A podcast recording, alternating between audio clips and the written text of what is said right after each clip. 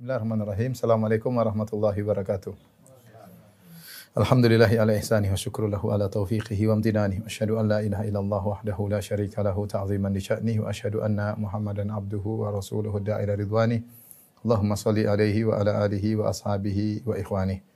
Uh, ikhwan dan akhwat yang dirahmati Allah Subhanahu wa taala, Majelis Ta'lim Al-Khansa dan yang lainnya.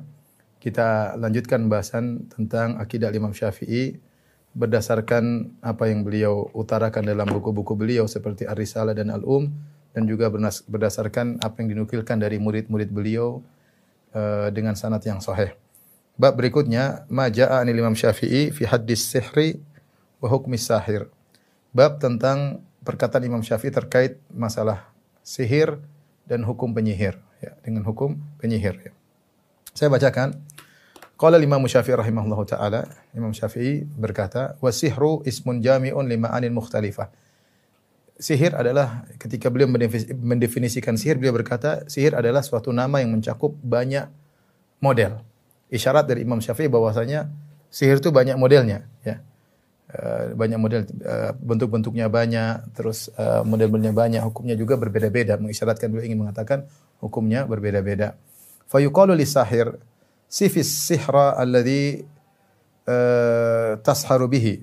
Maka kalau ada orang melakukan sihir, ditanyakan kepadanya, jelaskan bagaimana cara engkau mempraktekkan mengerjakan sihirmu. Fa in kana ma yasharu bihi kalamun kufrun, kalamu kufrin sarih ustutiba minhu. Kalau ternyata dalam praktek sihirnya dia menggunakan kata-kata yang kufur yang jelas, maka dia dimintai tobat. Fa in taba, kalau dia bertobat maka itu yang diharapkan. Wa illa kutil. Kalau tidak, maka dia dibunuh karena dia telah kafir, murtad. Dibunuh karena hukum murtad. Wa ukhidha maluhu fai'an dan hartanya diambil, hartanya dirampas untuk baitul mal. Wa in kana ma yasharu bihi kalaman la yakunu kufran wa kana ghairu ma'ruf. Kalau ternyata uh, sihir yang dia lakukan menggunakan kata-kata yang bukan kufur dan kata-kata yang tidak dikenal, walam yadur lam yadur bihi ahadan dan tidak memudaratkan seorang pun, nuhya anhu. Dia bikin sihir tapi bukan kata-kata kufur. Tidak ada istighothah kepada jin, tidak ada minta tolong kepada jin. Maka tapi tidak memberi mudarat kepada seorang pun. Maka dilarang nuhya anhu. Fa in ada uzir, kalau dia tetap melakukan sihir, maka meskipun tidak memberi mudarat kepada seorang pun maka ditakzir. Takzir hukum uh, di bawah hukum had ya, atau di, di hukum selain hukum had yang ditentukan oleh penguasa terserah hukumnya seperti apa untuk memberikan efek jerah kepada penyihir tersebut. Wa in kana ya'lamu annahu yadhurru bihi ahadan min ghairi qatlin fa amida an ya'malahu uzir. Kalau ternyata dia melakukan sihir tersebut untuk memberi mudarat kepada seseorang tetapi tidak sampai mati membunuh maka dia diberi hukum takzir. Hukum takzir itu hukum yang ditetapkan oleh penguasa untuk memberi efek jerah kepada dia dan hukum tersebut tidak tertulis dalam Alkitab wa Sunnah. Terserah penguasa, yang penting dia ditakzir.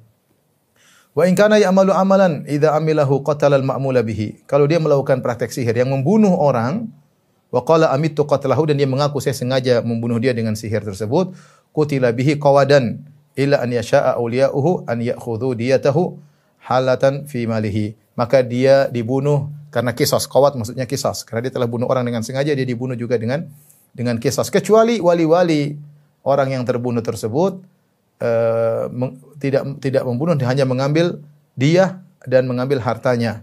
Dia itu 100 ekor onta, diat kemudian mengambil harta penyihir tadi. Wa in qala inna ma a'malu bihadhi li aqtul fayukhti'ul qatla wa yusib. Aku sengaja memang melakukannya untuk membunuh. Namun terkadang terkadang uh, salah, terkadang tepat. Waqat mata mimma amiltu bihi ternyata orang tersebut meninggal gara-gara perbuatanku.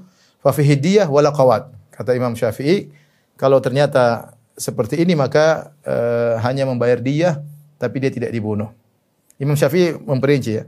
Wa in qala qad sahartuhu sahran marada minhu kalau aku telah menyihirnya sehingga dia sekedar sakit walam yamut minhu kemudian ternyata dia tidak meninggal gara-gara sihir tersebut aksama auliya'uhu lamata min dzalikal amal dan sementara wali-wali yang terbunuh mengatakan ini ini mati gara-gara uh, penyakit tersebut wa kanat lahum adiyah wala qawat maka para wali-wali yaitu eh, para walinya yang terbunuh hanya menerima diat dan tidak mendapatkan mengkisos penyihir tadi.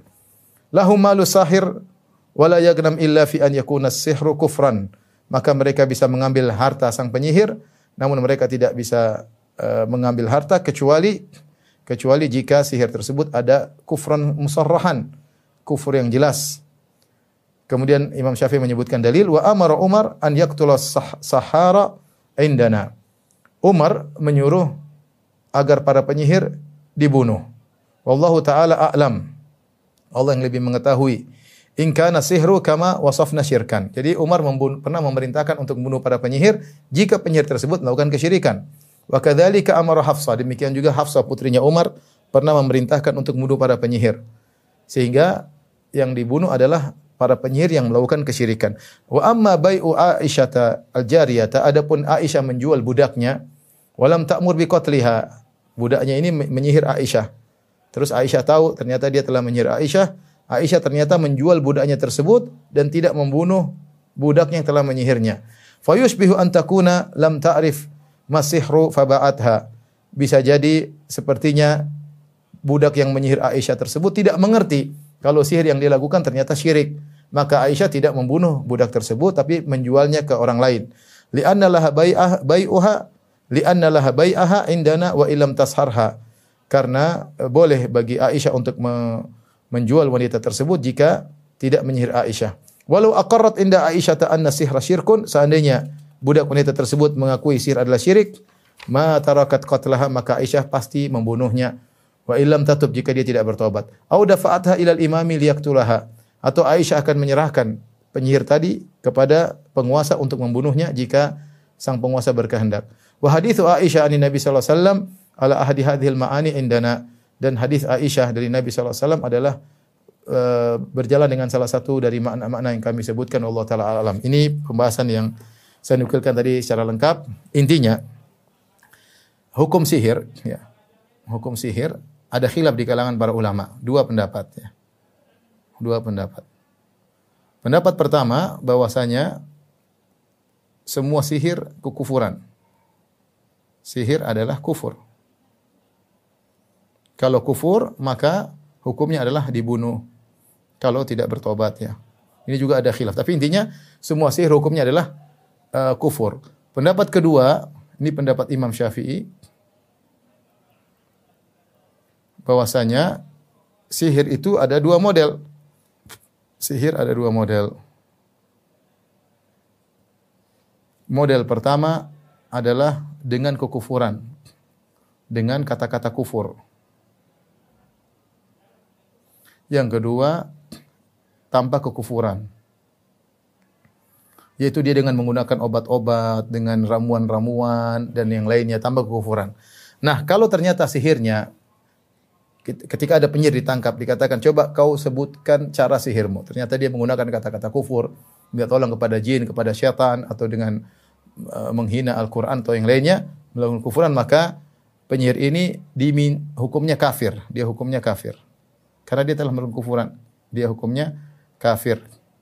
Dimintai tobat, dimintai tobat. Kalau dia bertobat selesai, kalau dia tidak bertobat dibunuh.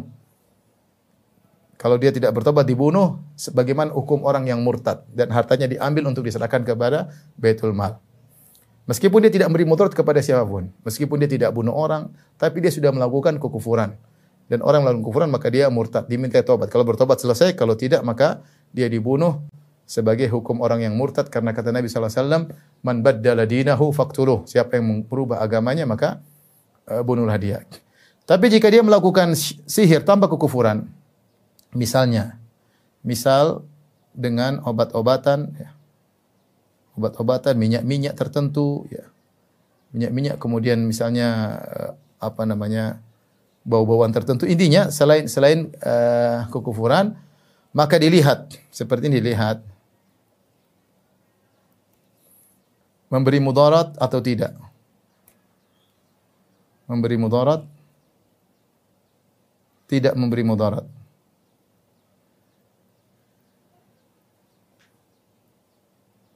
Kalau tidak memberi mudarat, kemungkinan pertama, kemungkinan kedua. Kemungkinan pertama, tidak memberi mudarat, maka dia dilarang. Kalau dia berhenti selesai. Kalau dia tidak berhenti, maka dia diberi takzir. Takzir itu hukum yang ditetapkan oleh penguasa di luar dari hukum had. Kalau hukum had dalam Islam sudah ditentukan seperti zina yang sudah menikah dirajam, kalau belum menikah maka dicambuk seratus kali kemudian diasingkan setahun. Ya misalnya mencuri dipotong tangannya. Ini hukum had namanya, hukum had. Nah, ada hukum-hukum yang boleh dibuat oleh penguasa di luar hukum had. Terkadang keras, terkadang ringan, uh, itu namanya hukum had dan itu kembali kepada kebijakan penguasa. Nah, seperti ini penyihir yang tidak sampai pada derajat kafir, dia hanya menggunakan obat-obatan, ramuan-ramuan. Nah, dia harus dihukum ya karena dia melakukan perbuatan yang dilarang. Tapi hukumannya takzir karena dia bukan sihir, bukan kufur. Hukumannya takzir. Hukumannya kembali kepada penguasa yang penting dia diberi efek efek jerah. Tapi kalau dia beri mudarat, maka dilihat mudarat tersebut ada dua kemungkinan, membunuh atau tidak membunuh membunuh atau tidak sampai membunuh. Kalau tidak sampai membunuh, maka hukumnya sama seperti ya, eh, apa namanya di, di, di, di cuma di apa di takzir.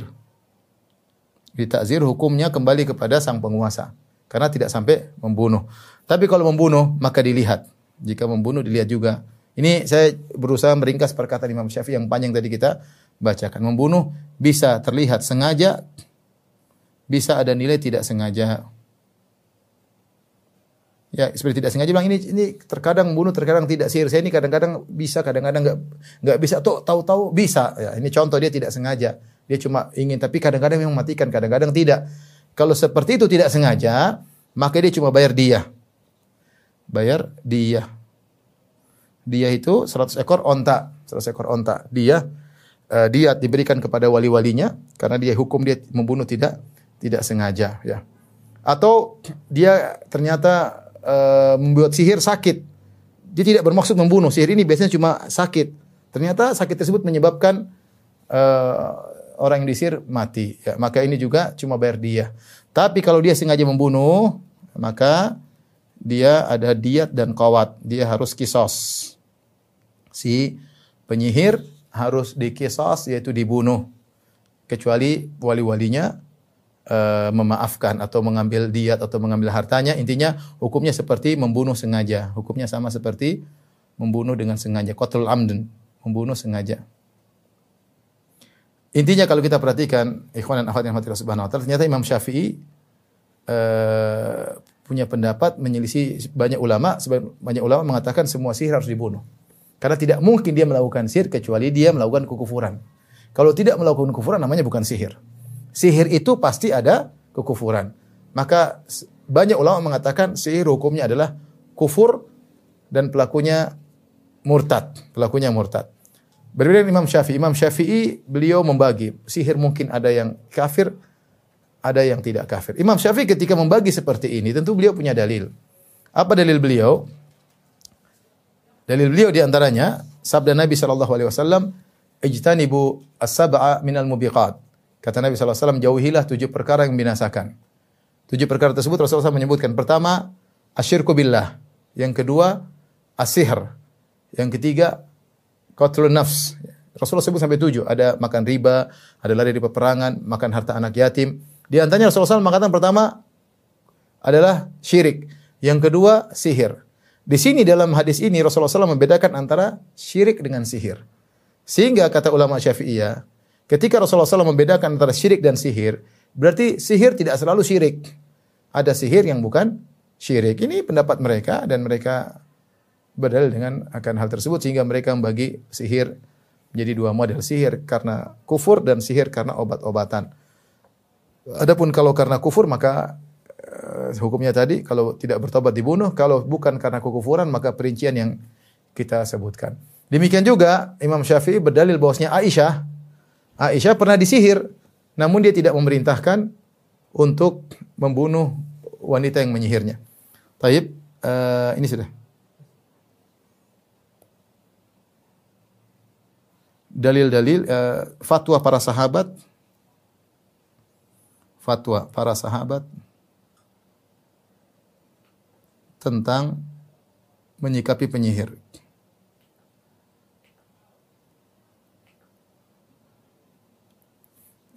Pertama, eh, perintah Umar Umar bin Khattab radhiyallahu anhu. Kemudian juga perintah uh, Hafsah. Hafsah binti Umar radhiyallahu anhuma. Dua-duanya memerintah untuk membunuh para penyihir. Membunuh para penyihir.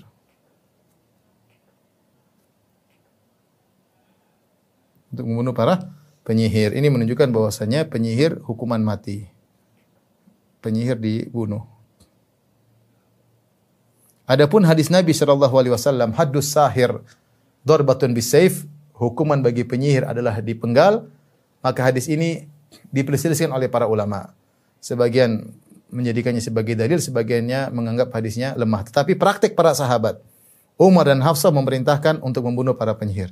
Di sisi lain, Aisyah pernah disihir oleh budaknya.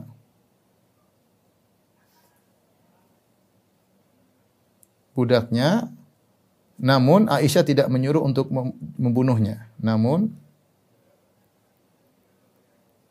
Aisyah tidak menyuruh untuk membunuhnya. Tapi malah dia jual, beliau jual.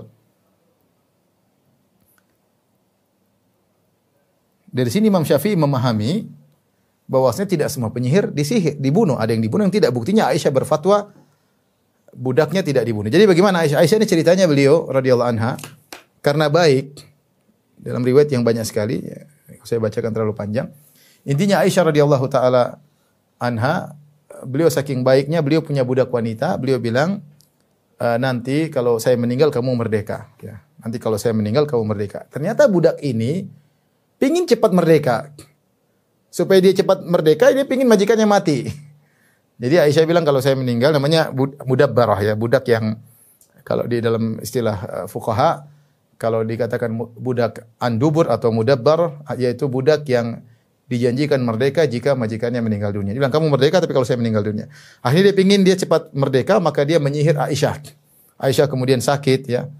Akhirnya ada yang e, beritahu bahwasanya Aisyah disihir oleh budaknya, maka Aisyah panggil budaknya tersebut. Kata Aisyah kepada e, budaknya, e, saya bacakan. Asahartini, kau sihir saya kepada budaknya. Faqalat na'am, iya saya sihir engkau wahai Aisyah. Faqalat, Aisyah bertanya, lima, kenapa kau sihir saya? Qalat, ahbabtu al-itq. Aku ingin segera merdeka. Aisyah akhirnya me, me, me, apa namanya menghukumnya dengan berkata, eh, ahbab tal itqa fa la la tu'taqi abadan. Kau ingin merdeka, ingin merdeka tapi dengan cara seperti ini kau tidak akan merdeka selama-lamanya. Maka fa amarat ibna akhiha an yabi'aha min al-a'rabi mimman yusi'u milkataha. Maka Aisyah pun menyuruh eh, ponakannya untuk menjual budak ini kepada orang yang buruk. Kemudian hasil penjualannya sumabta li bithamaniha raqabatan hatta u'tikaha. Uang hasil penjualan tersebut beli budak lagi kemudian aku merdekakan. Jadi Aisyah tidak mau merdekakan budak ini karena dia telah menyir Aisyah. Tapi Aisyah radhiyallahu anha suruh jual.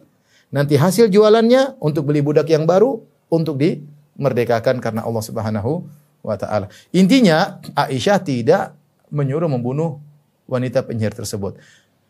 Zahirnya wanita ini menyihir dengan dengan uh, dengan kekufuran dengan bantuan syaitan. Makanya Aisyah setelah itu beliau tidak tidak meminta pengobatan, beliau bersabar berdoa kepada Allah Subhanahu wa taala sampai akhirnya kalau tidak salah beliau mimpi Allah Subhanahu wa taala menyuruh beliau untuk mandi dari uh, beberapa sungai, kemudian beliau mandi, kemudian beliau sembuh. Tapi intinya wanita ini menyihir Aisyah dengan bantuan syaitan, bantuan syaitan bukan karena obat-obatan karena kalau obat-obatan mungkin pengobatannya tidak demikian. Tapi Aisyah sembuh karena uh, diberi mimpi oleh Allah Subhanahu wa taala. Dan Imam Syafi'i memandang kenapa Aisyah tidak menyuruh membunuh penyihir ini, beliau berkata, uh, "Walam ta'mur bi fayushbihu an takuna lam ta'rif masihr faba'atha." Bisa jadi sepertinya wanita budak Aisyah ini yang menyihir Aisyah tidak mengerti kalau sihir itu syirik, dia tidak mengerti. Jadi Aisyah memberi uzur kepadanya. Li'anna laha bai'a indana wa ilam tasharha. Walau aqarrat inda Aisyah anna sihir syirkun, seandainya budak ini mengakui bahwasanya sihir itu syirik, maka ma tarakat qatlaha, maka Aisyah pasti membunuhnya. Kalau dia tidak bertobat. Au dafa'ata ilal imam liyaktulaha insya atau Aisyah akan menyerahkan kepada penguasa untuk di uh, dibunuh jika penguasa berkehendak. Jadi zahirnya kita ada faedah bahwasanya Aisyah radhiyallahu anha memandang wanita ini mungkin tidak ngerti. Tidak ngerti bahwasanya sihir itu syirik, bahwa sihir itu kufur. Seandainya dia tahu sihir itu kufur dan tetap menyihir Aisyah, tentu Aisyah akan membunuhnya. Ini menunjukkan adanya uzur karena ketidak ketidaktahuan. Taib ini uh, pendapat Al Imam Syafi'i rahimahullah intinya beliau memandang sihir itu tidak semuanya mutlak mutlak uh, syirik, tidak semuanya mutlak kekufuran. Dan pendapat Imam Syafi'i ini dikuatkan oleh uh, dipilih oleh Syekh Muhammad Alamin Syinqiti beliau berkata uh, bahwasanya sihir ada dua model, ada yang kekufuran, ada yang tidak. Tapi wallah alam bisawab pendapat jumhur ulama mayoritas ulama dari mazhab yang lainnya lebih kuat ya. Karena namanya sihir pasti pakai bantuan syaitan. Seandainya ada pengaruh yang mengenai uh, orang lain tanpa bantuan syaitan, maka itu sebenarnya bukan sihir. Itu hanya sihir secara bahasa. Tapi kalau sihir secara syar'i yang datang dalam uh, syariat, ya, maka uh, sihir itu pasti menggunakan bantuan syaitan. Sihir pasti kekufuran karena ketika Rasulullah SAW menyebut tentang sihir, semuanya terkait dengan kekufuran. Sebagaimana Allah sebutkan dalam tentang Harut dan Marut, "Wa ma yu'allimani min ahadin hatta yaqula innama nahnu fitnatun fala takfur." Tidaklah malaikat Harut dan Marut mengajarkan ilmu sihir kepada seorang kecuali mereka berdua berkata, "Jangan kalian sungguhnya kami hanyalah ujian, maka jangan kalian kufur." Ya, dan Allah mengatakan walan yuflih wala yuflihu sahiru haitsu ata bahwasanya penyihir tidak akan beruntung selama-lamanya. Sehingga pendapat mayoritas ulama sepertinya lebih kuat bahwasanya namanya sihir secara syar'i pasti syirik. Adapun Imam Syafi'i ketika membagi sihir menjadi dua, uh, seakan-akan beliau bersandar kepada makna sihir secara bahasa, karena sihir secara bahasa artinya sesuatu yang halus, uh, yang, yang tidak ketahuan dengan zahir, sebagaimana seorang menyakiti orang lain dengan obat-obatan yang tidak uh, ketahuan, sehingga dikatakan dia tersihir. Tapi inilah pendapat Imam Syafi'i rahimahullahu taala. Beliau memandang sihir terbagi menjadi menjadi dua. Ya. Taib. Uh, kita lanjut pada pembahasan kedua ya. Bab ya. Ma jaa 'anil Imam Syafi'i rahimahullahu taala fi man yad'i annahu yaral jin. Bab tentang pendapat Imam Syafi'i terhadap orang yang mengaku-ngaku bisa lihat jin. Bagaimana menurut Imam Syafi'i terhadap orang yang mengaku bisa melihat melihat jin? Uh, dari Harmalah bin Yahya, qala murid Imam Syafi'i Harmalah, beliau berkata, "Sami'tu Syafi'iyya yaqul." Aku mendengar Imam Syafi'i berkata, "Man za'ama min ahli al-adala annahu yaral jin, abtalna syahadatahu." Siapa di antara orang yang thiqah, yang adil adalah, orang yang thiqah dipercaya, ngaku-ngaku bisa lihat jin, maka kami batalkan persaksiannya. Artinya persaksiannya kami tolak. Kami gugurkan adalahnya. Kalau dia mau jadi saksi tidak diterima. Kenapa dia ngaku lihat jin? Kenapa persaksian ditolak? Imam Syafi'i punya dalil. Di qaulihi ta'ala karena Allah berfirman, "Innahu yarakum huwa wa qabiluhu min haitsu la tarawnahum."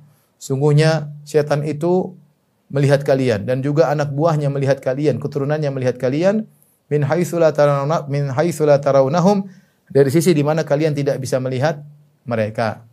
Jadi Allah menetapkan setan dan anak buahnya bisa melihat kita namun kita tidak bisa melihat syaitan dan anak buahnya. Ila ayyakuna nabiyan. Kata Imam Syafi'i yang bisa lihat jin hanya nabi.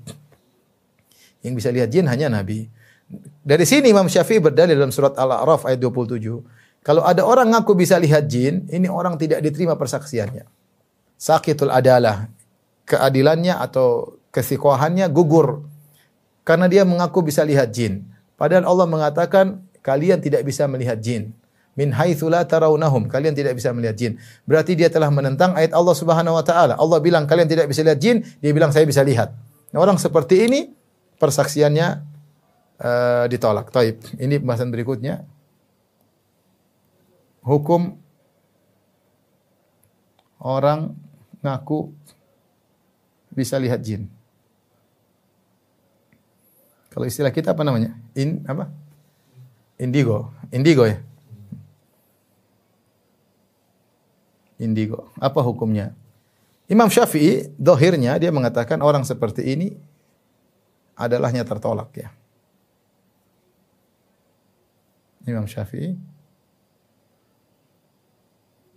orang seperti ini persaksiannya ditolak.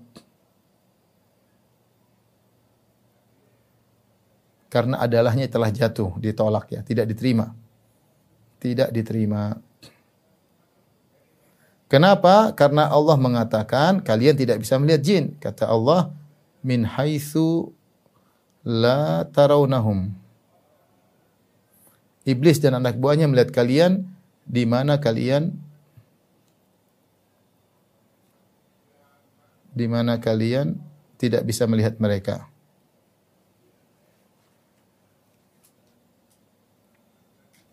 Tidak bisa melihat mereka. Uh, hukum orang aku bisa melihat jin ini ternyata ada khilaf di kalangan para ulama. Ini khilaf. Ya. Ini pendapat pertama Imam Syafi'i mengatakan kalian tidak bisa melihat mereka. Siapa yang aku bisa lihat jin, maka persaksi ditolak. Tidak bisa menjadi saksi. Pendapat yang kedua bahwasanya siapa saja mungkin melihat jin. Pendapat kedua siapa saja mungkin melihat jin. Melihat jin. Dalilnya dalam surat uh, Sad ketika Allah Subhanahu wa taala menyebutkan tentang keistimewaan Nabi Sulaiman alaihissalam. Kata Allah Subhanahu wa taala uh, ketika menceritakan tentang kelebihan Nabi Sulaiman ya Allah Subhanahu wa taala qad fatanna Sulaiman. Sungguh kami telah menguji Sulaiman. Wa alqaina ala kursiyyihi jasadan thumma anab. Itu Allah pernah menguji Sulaiman. Kemudian Nabi Sulaiman bertobat kepada Allah Subhanahu wa taala ya. Kemudian dia berkata rabbi habli mulkan la yang bagi li ahadin min ba'di innaka antal wahhab. Ya Allah anugerahkanlah kepada aku. Ya, dia minta, dia mengatakan ya Allah ampunilah aku dan anugerahkanlah kepada aku kerajaan yang tidak boleh engkau berikan kepada selain selain aku setelahku. Maka Allah berikan dia keistimewaan. Kata Allah Subhanahu wa taala, "Fasakharna lahu riha tajri bi amrihi ruhaan haitsu asab." Maka kami anugerahkan kepada dia angin. Yang angin tersebut mengalir berhembus dengan perintah Sulaiman, terserah mau ke mana. Allah berikan dan ini tidak ada yang bisa menguasai angin kecuali Nabi Sulaiman. Setelah itu bukan cuma angin, kata Allah, wasyayatina kulla banna'in wa gawwas. Dan kami berikan tundukan dia juga kepada Sulaiman sakharna kami tundukkan setan-setan setan jin-jin setan-setan yang setan-setan tersebut ada setan-setan kontraktor tukang pembangun bangun-bangun ada setan penyelam. Artinya mereka bangunkan bangun yang hebat-hebat mereka bikin macam-macam. Dan ada setan penyelam yang bisa masuk ke dasar lautan kemudian mengambil mutiara, keindahan-keindahan ini semua atas perintah Sulaiman. Kemudian kata Allah Subhanahu wa taala, wa akharina muqarranina fil asfad dan sebagai setan-setan yang tidak patuh dibelenggu. Kemudian kata Allah, hadza atauna famnun au amsik bi ghairi hisab. Inilah anugerah dari kami wahai Sulaiman, terserah kau bagi-bagi, kau mau tahan, kami tidak akan menghisapmu. Wa inna lahu indana la zulfa husna maaf. Dan sungguhnya di akhirat kelak Nabi Sulaiman mendapatkan kedekatan di sisi kami. Intinya Allah mengabulkan doa Sulaiman alaihissalam. Kemudian Allah Subhanahu wa taala menjadikan Sulaiman menguasai jin.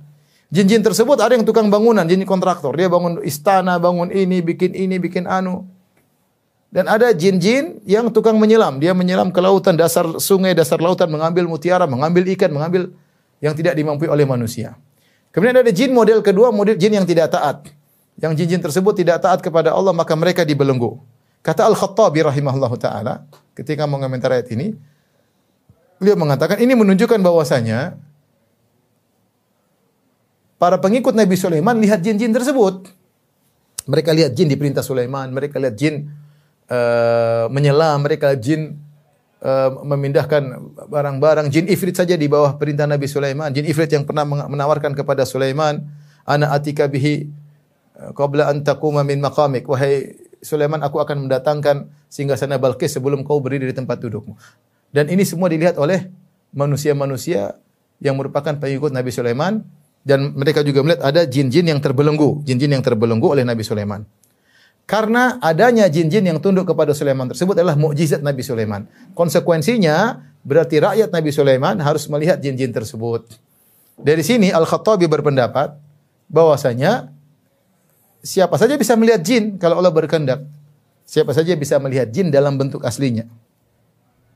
Dalam bentuk aslinya.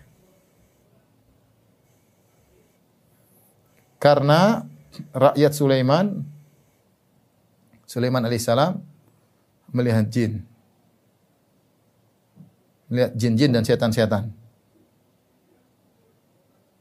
Ini pendapat uh, kedua. Siapa saja bisa lihat jin.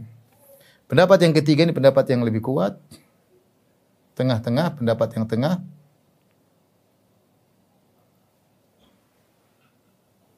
Bahwasanya yang bisa melihat bentuk asli jin, syaitan hanyalah para nabi. Bentuk asli syaitan atau jin hanya para nabi. Selain para nabi,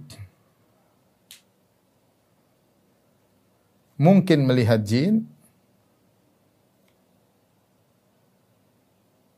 jika menjelma, jika jin menjelma bukan bentuk aslinya.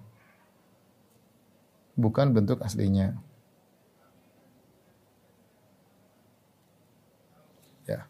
Ini pendapat yang lebih lebih kuat. Dan Ibnu Hajar rahimahullah membawakan pendapat Imam Syafi'i ini uh, kepada makna ini. Itu Ibnu Hajar mengatakan yang dimaksud Imam Syafi'i siapa yang mengaku bisa lihat jin ditolak kesaksiannya maksudnya yang mengaku bisa lihat jin dalam bentuk aslinya. Karena kata Imam Syafi'i yang bisa lihat bentuk aslinya cuma apa? Cuma nabi. Jelas. Saya bacakan ulangi perkataan Imam Syafi'i. Jadi Imam Syafi'i zahirnya tidak berpendapat uh, tidak mungkin melihat jin, tapi maksudnya tidak mungkin melihat jin pada bentuk aslinya.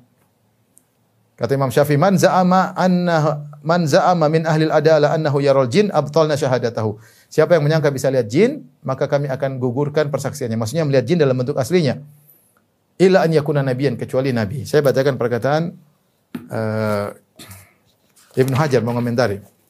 Beliau berkata, Wa hadha mahmulun ala man yadda'i ru'yatahum ala suwarihim allati khuliqu 'alaiha. Maksud Imam Syafi'i yaitu siapa yang ngaku bisa lihat bentuk jin asli. Ini orang seperti ini enggak bisa. Yang bisa lihat jin bentuk asli cuma nabi. Cuma nabi. Wa amma man da'a annahu yara syai'an minhum ba'da an yatatawwara ala suwarin syatta minal haywan fala yuqdah fihi. Adapun orang yang mengaku lihat jin tapi jin sudah menjelma jadi bentuk-bentuk hewan, bentuk yang lainnya maka tidak tercela karena jin mampu untuk menjelma. Waqat tawataratil akhbar bi tatawwurihim fi suwar dan telah mutawatir banyak berita tersebar jin bisa menjelma menjadi macam-macam. Wa ikhtalaf ahlul kalam fi dzalika faqila maka berselisihlah para ulama atau ahlul kalam tentang masalah ini. Kok bisa jin menjelma? Wa huwa qila ada yang berpendapat huwa takhyilun faqat yang benar jin tidak bisa berubah dari bentuk satu ke bentuk yang lain. Mata kita saja yang dibuat khayalan. Dia tidak berubah tetap aja begitu. Cuma kalau kita lihat seakan-akan dia berubah. Jin punya kemampuan buat kita berhayal. Ini pendapat pertama. Wala yantaqilu ahadun an suratihil asliyah. Tidak satu pun yang bisa berubah dari bentuk aslinya. Jin tidak bisa berubah. Cuma dia tetap saja bentuknya. Cuma kalau kita lihat ternyata kok mirip si manis jembatan Ancol. kalau kita lihat kok seperti gendruwo, kita lihat kok seperti tuyul, mbak yul. Misalnya itu semua hanyalah khayalan, tapi jinnya gitu-gitu aja. Bentuk aslinya tidak bisa kelihatan, yang bisa lihat bentuk aslinya cuma cuma nabi. Para nabi. Wakil ini pendapat kedua, pendapat pertama jadi hanya hayalan mata. Pendapat yang kedua qila bal yantaqiluna lakin la biqtidarihim ala dhalika bal bi dharbin minal fi'li. Idza fa'alu intaqala kasihir.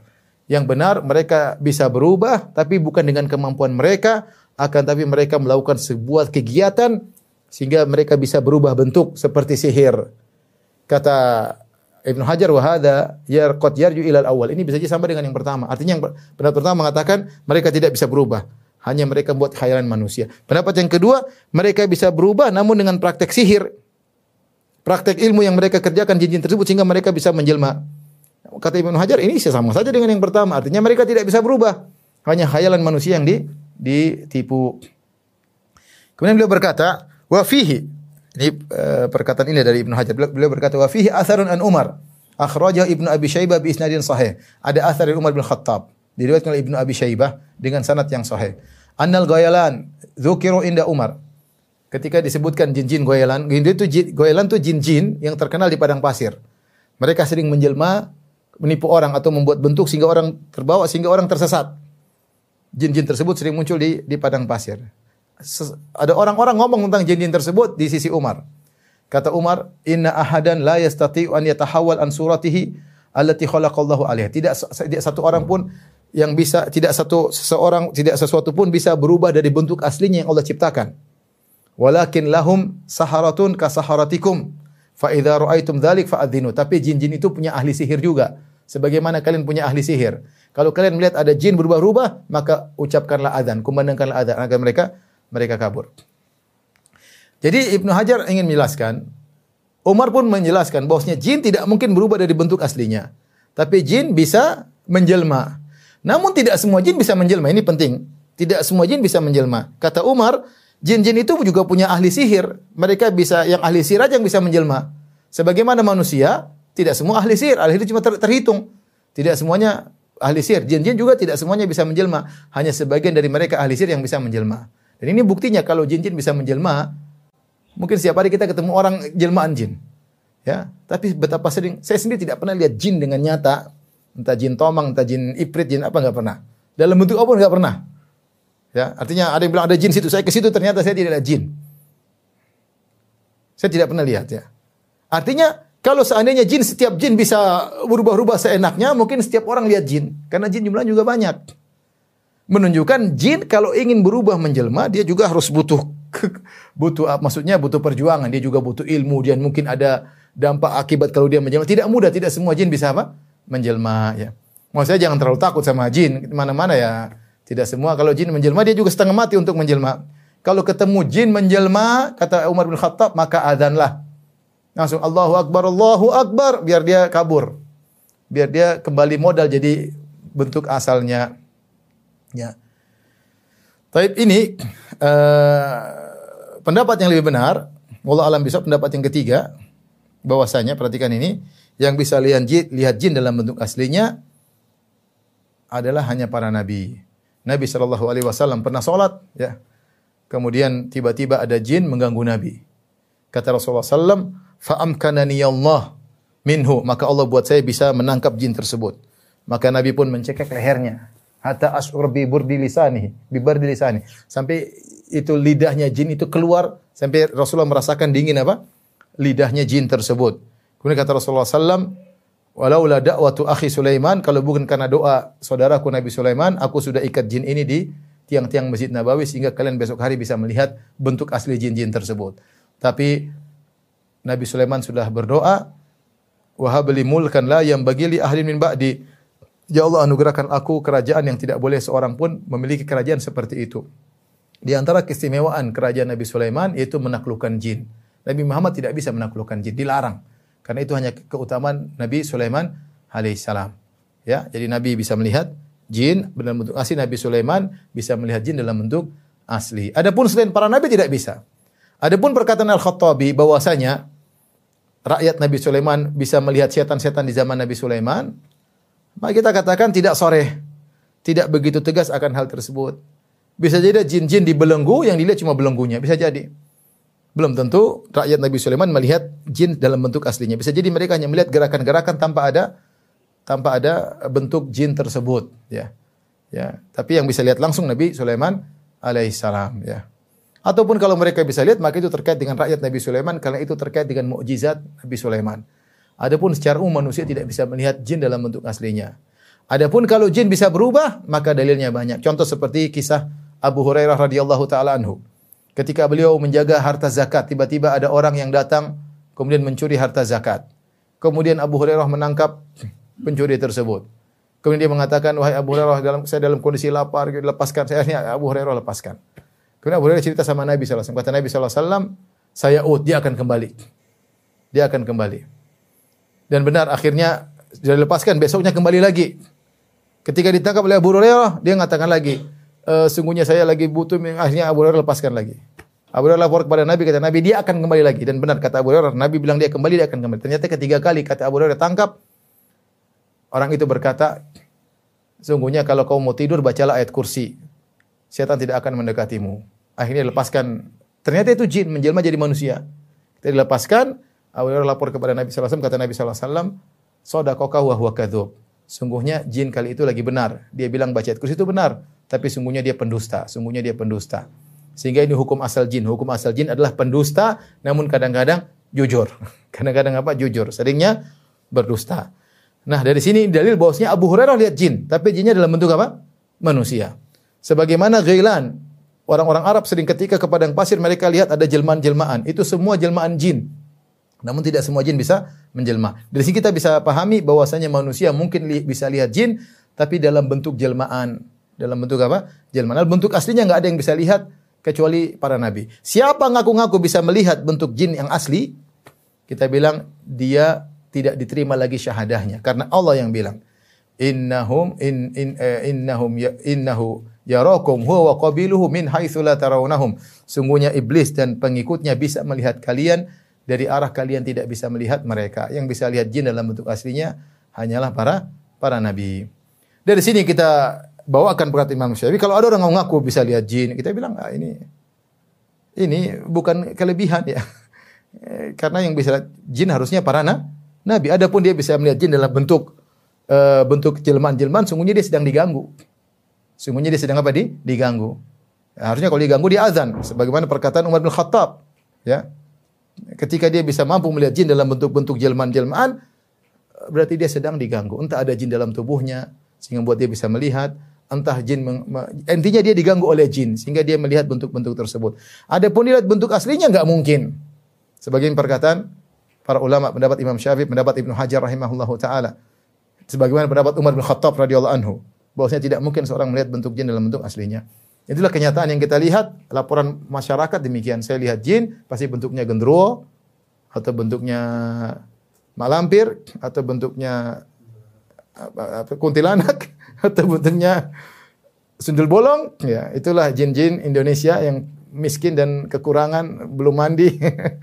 Kalau kita pergi ke jin-jin Eropa, vampire, bajunya keren, berjas, atau jin-jin uh, ternyata hayalan manusia sesuai dengan tingkatan ekonomi penghayalnya. Jadi mau saya intinya intinya pembahasan kita bahwasanya tidak mungkin seorang melihat jin pada bentuk aslinya kecuali para nabi. Nabi Sulaiman alaihissalam, Nabi Muhammad sallallahu alaihi wasallam. Adapun selain nabi maka mereka sedang diganggu atau dihayalkan pandangan mereka. Nah, kalau kita melihat ada jin dalam bentuk sesuatu kita azan kata Umar bin Khattab radhiyallahu taala anhu. Taib. Pembahasan terakhir kita bahas kesempatan kali ini tentang ini sudah. Uh, berikutnya tentang ruqyah ya. Ruqyah. Ada perkataan Imam Syafi'i yang uh, perlu kita jelaskan ya. Saya bacakan bab berikutnya bab ma jaa anil Imam Syafi'i rahimahullah fi ruqyah wa syurutihi syurutiha. Bab tentang perkataan Imam Syafi'i rahimahullah tentang ruqyah dan syarat-syaratnya. Qala Rabi' bin Sulaiman, berkata Rabi' bin Sulaiman, uh, murid Imam Syafi'i, sa'altu Syafi'iyya anir ruqyah. Aku bertanya kepada Imam Syafi'i tentang ruqyah.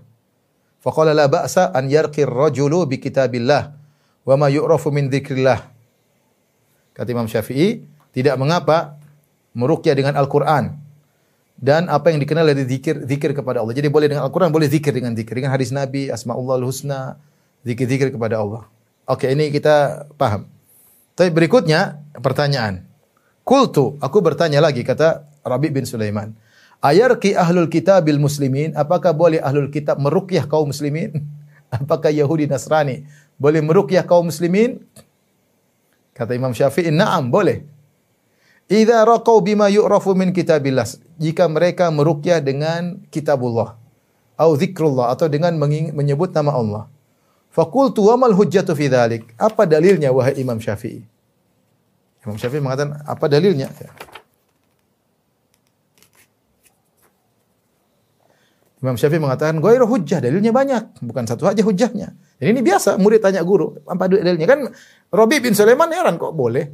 Masa Nasrani ngerukyah kaum muslimin? Bukan sebaliknya orang Islam ngerukyah Nasrani atau Yahudi, Yahudi Nasrani ngerukyah kaum muslimin. Dalilnya apa? Katanya ghairu hujjah, bukan cuma satu hujjah. Fa amma riwayatu sahibina wa sahibika fa inna Malikan akhbarana an Yahya bin Sa'id an Amrah binti Abdurrahman an Abu Bakar dakhala ala Aisyah wa hiya tashtaqi wa yahudiyyah tarqiha fa qala Abu Bakar irqiha bi kitabillah. Ya. Uh, riwayat yang diriwayatkan oleh sahabatmu dan sahabat sahabat kami dan sahabatmu, sungguhnya Imam Malik meriwayatkan dari Yahya bin Sa'id bin Amr bin Abdurrahman bahwasanya Abu Bakar radhiyallahu anhu masuk ke Aisyah sementara Aisyah sedang sakit wa Yahudiyah tarqiha dan ada Yahudi sedang meruqyah Aisyah. Faqala Abu Bakar, kita tahu di Madinah mereka bertetangga. Aisyah bertetangga Yahudi, terkadang ada kunjungan orang Yahudi mengunjungi rumah Aisyah radhiyallahu taala anha, terkadang mereka berbicara tentang dalam hadis berbicara tentang azab kubur karena orang Yahudi juga meyakini azab kubur. Intinya ada orang Yahudi sedang meruqyah Aisyah sedang sakit. Maka Abu Bakar bilang sama Yahudi tadi, "Irqiha bi kitabillah." Hei Yahudi, kalau ruqyah anakku Aisyah pakai kitabullah. Ini dalilnya, kata Imam Syafi'i. Imam Syafi'i pakai dalil. Fakultu li Syafi'i, Kata Rabi bin Sulaiman dia berkata lagi, aku berkata ke Imam Syafi'i, fa inna nakrahu ruqyat ahli kitab. Kami enggak suka ada ahli kitab yang meruqyah. Kami benci. Kata muridnya, kata Imam Syafi'i, walima, kenapa? Wa antum tarwuna hadza an Abi Bakar. Bukankah kalian yang meriwayatkan hadis ini dari Abu Bakar? Wala a'lamukum tarwuna an ghairi min ashabi Nabi sallallahu khilafahu sementara kalian aku tidak mengetahui ada riwayat dari sahabat Nabi yang lain yang membenci akan hal ini. Dan, dan aku tidak mengetahui kalian meriwayatkan ada riwayat dari sahabat Nabi yang benci akan hal ini atau menyelisih hal ini. Waqat kemudian Imam Syafi'i berdalil dengan pertama dengan dalil riwayat Abu Bakar, kedua dengan kias. Kata beliau, waqat ahallallahu jalla dzikruhu ta'ama ahli kitab wa nisa'ahum. Bukankah Allah telah menghalalkan bagi kita makanan sembelihan ahli kitab dan wanita mereka untuk kita nikahi? Wa ahsabu demikian juga kalau kita ruqyah kenapa enggak boleh? Wa ahsabu ruqyata idza raqau bi kitabillahi mithla hadza wa akhaf. Dan menurutku ruqyah kalau mereka meruqyah dengan kitabullah maka boleh seperti ini atau lebih ringan daripada hal ini. Jadi Imam Syafi'i ya ruqyah. Jadi begini, sebelum kita bahas kita bilang ruqyah ijma ulama. Ruqyah syarat ruqyah yang boleh disebutkan oleh e, Ibnu Hajar. Yang boleh jika memenuhi tiga syarat.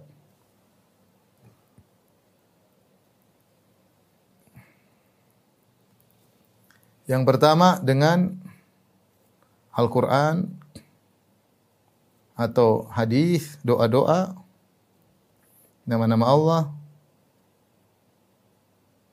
nama-nama Allah, dan sifat-sifatnya.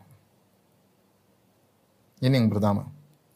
Yang kedua, kata Ibnu Hajar, dengan bahasa yang diketahui, yang dipahami.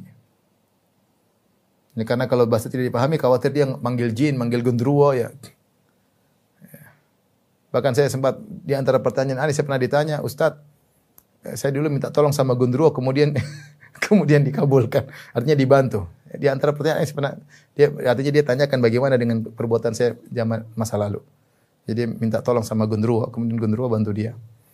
Intinya harus dengan bahasa yang dipahami. Karena terkadang bahasa-bahasa mantra mata tidak dipahami, ternyata isinya istighatsah minta pertolongan kepada syaitan. Jadi disyaratkan dengan bahasa yang dipahami. Yang ketiga, meyakini yang menyembuhkan hanyalah Allah. Ruqyah hanyalah sebab.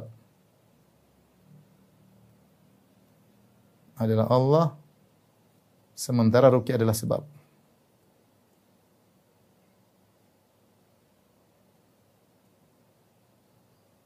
Nah, Imam Syafi'i Allah alam bisawab sekarang kita bahas tentang ruqyah ahlul kitab. Ini ada khilaf di kalangan para ulama. Ruqyah ahlul kitab. Uh, khilaf. Sebagian mengatakan haram secara mutlak, tidak boleh.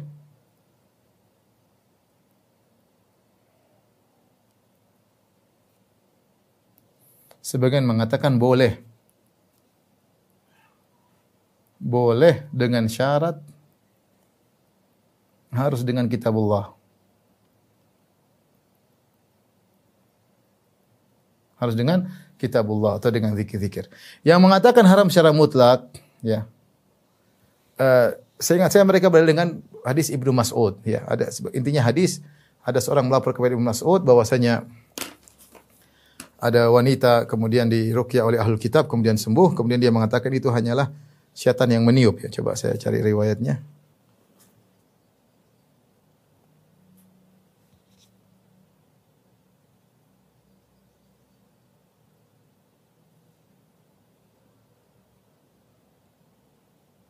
Ya ini. Hadis ya, saya bacakan. Rawa Abu Daud dari Zainab, Abu Dawud melihatkan dari Zainab istrinya Abdullah bin Mas'ud.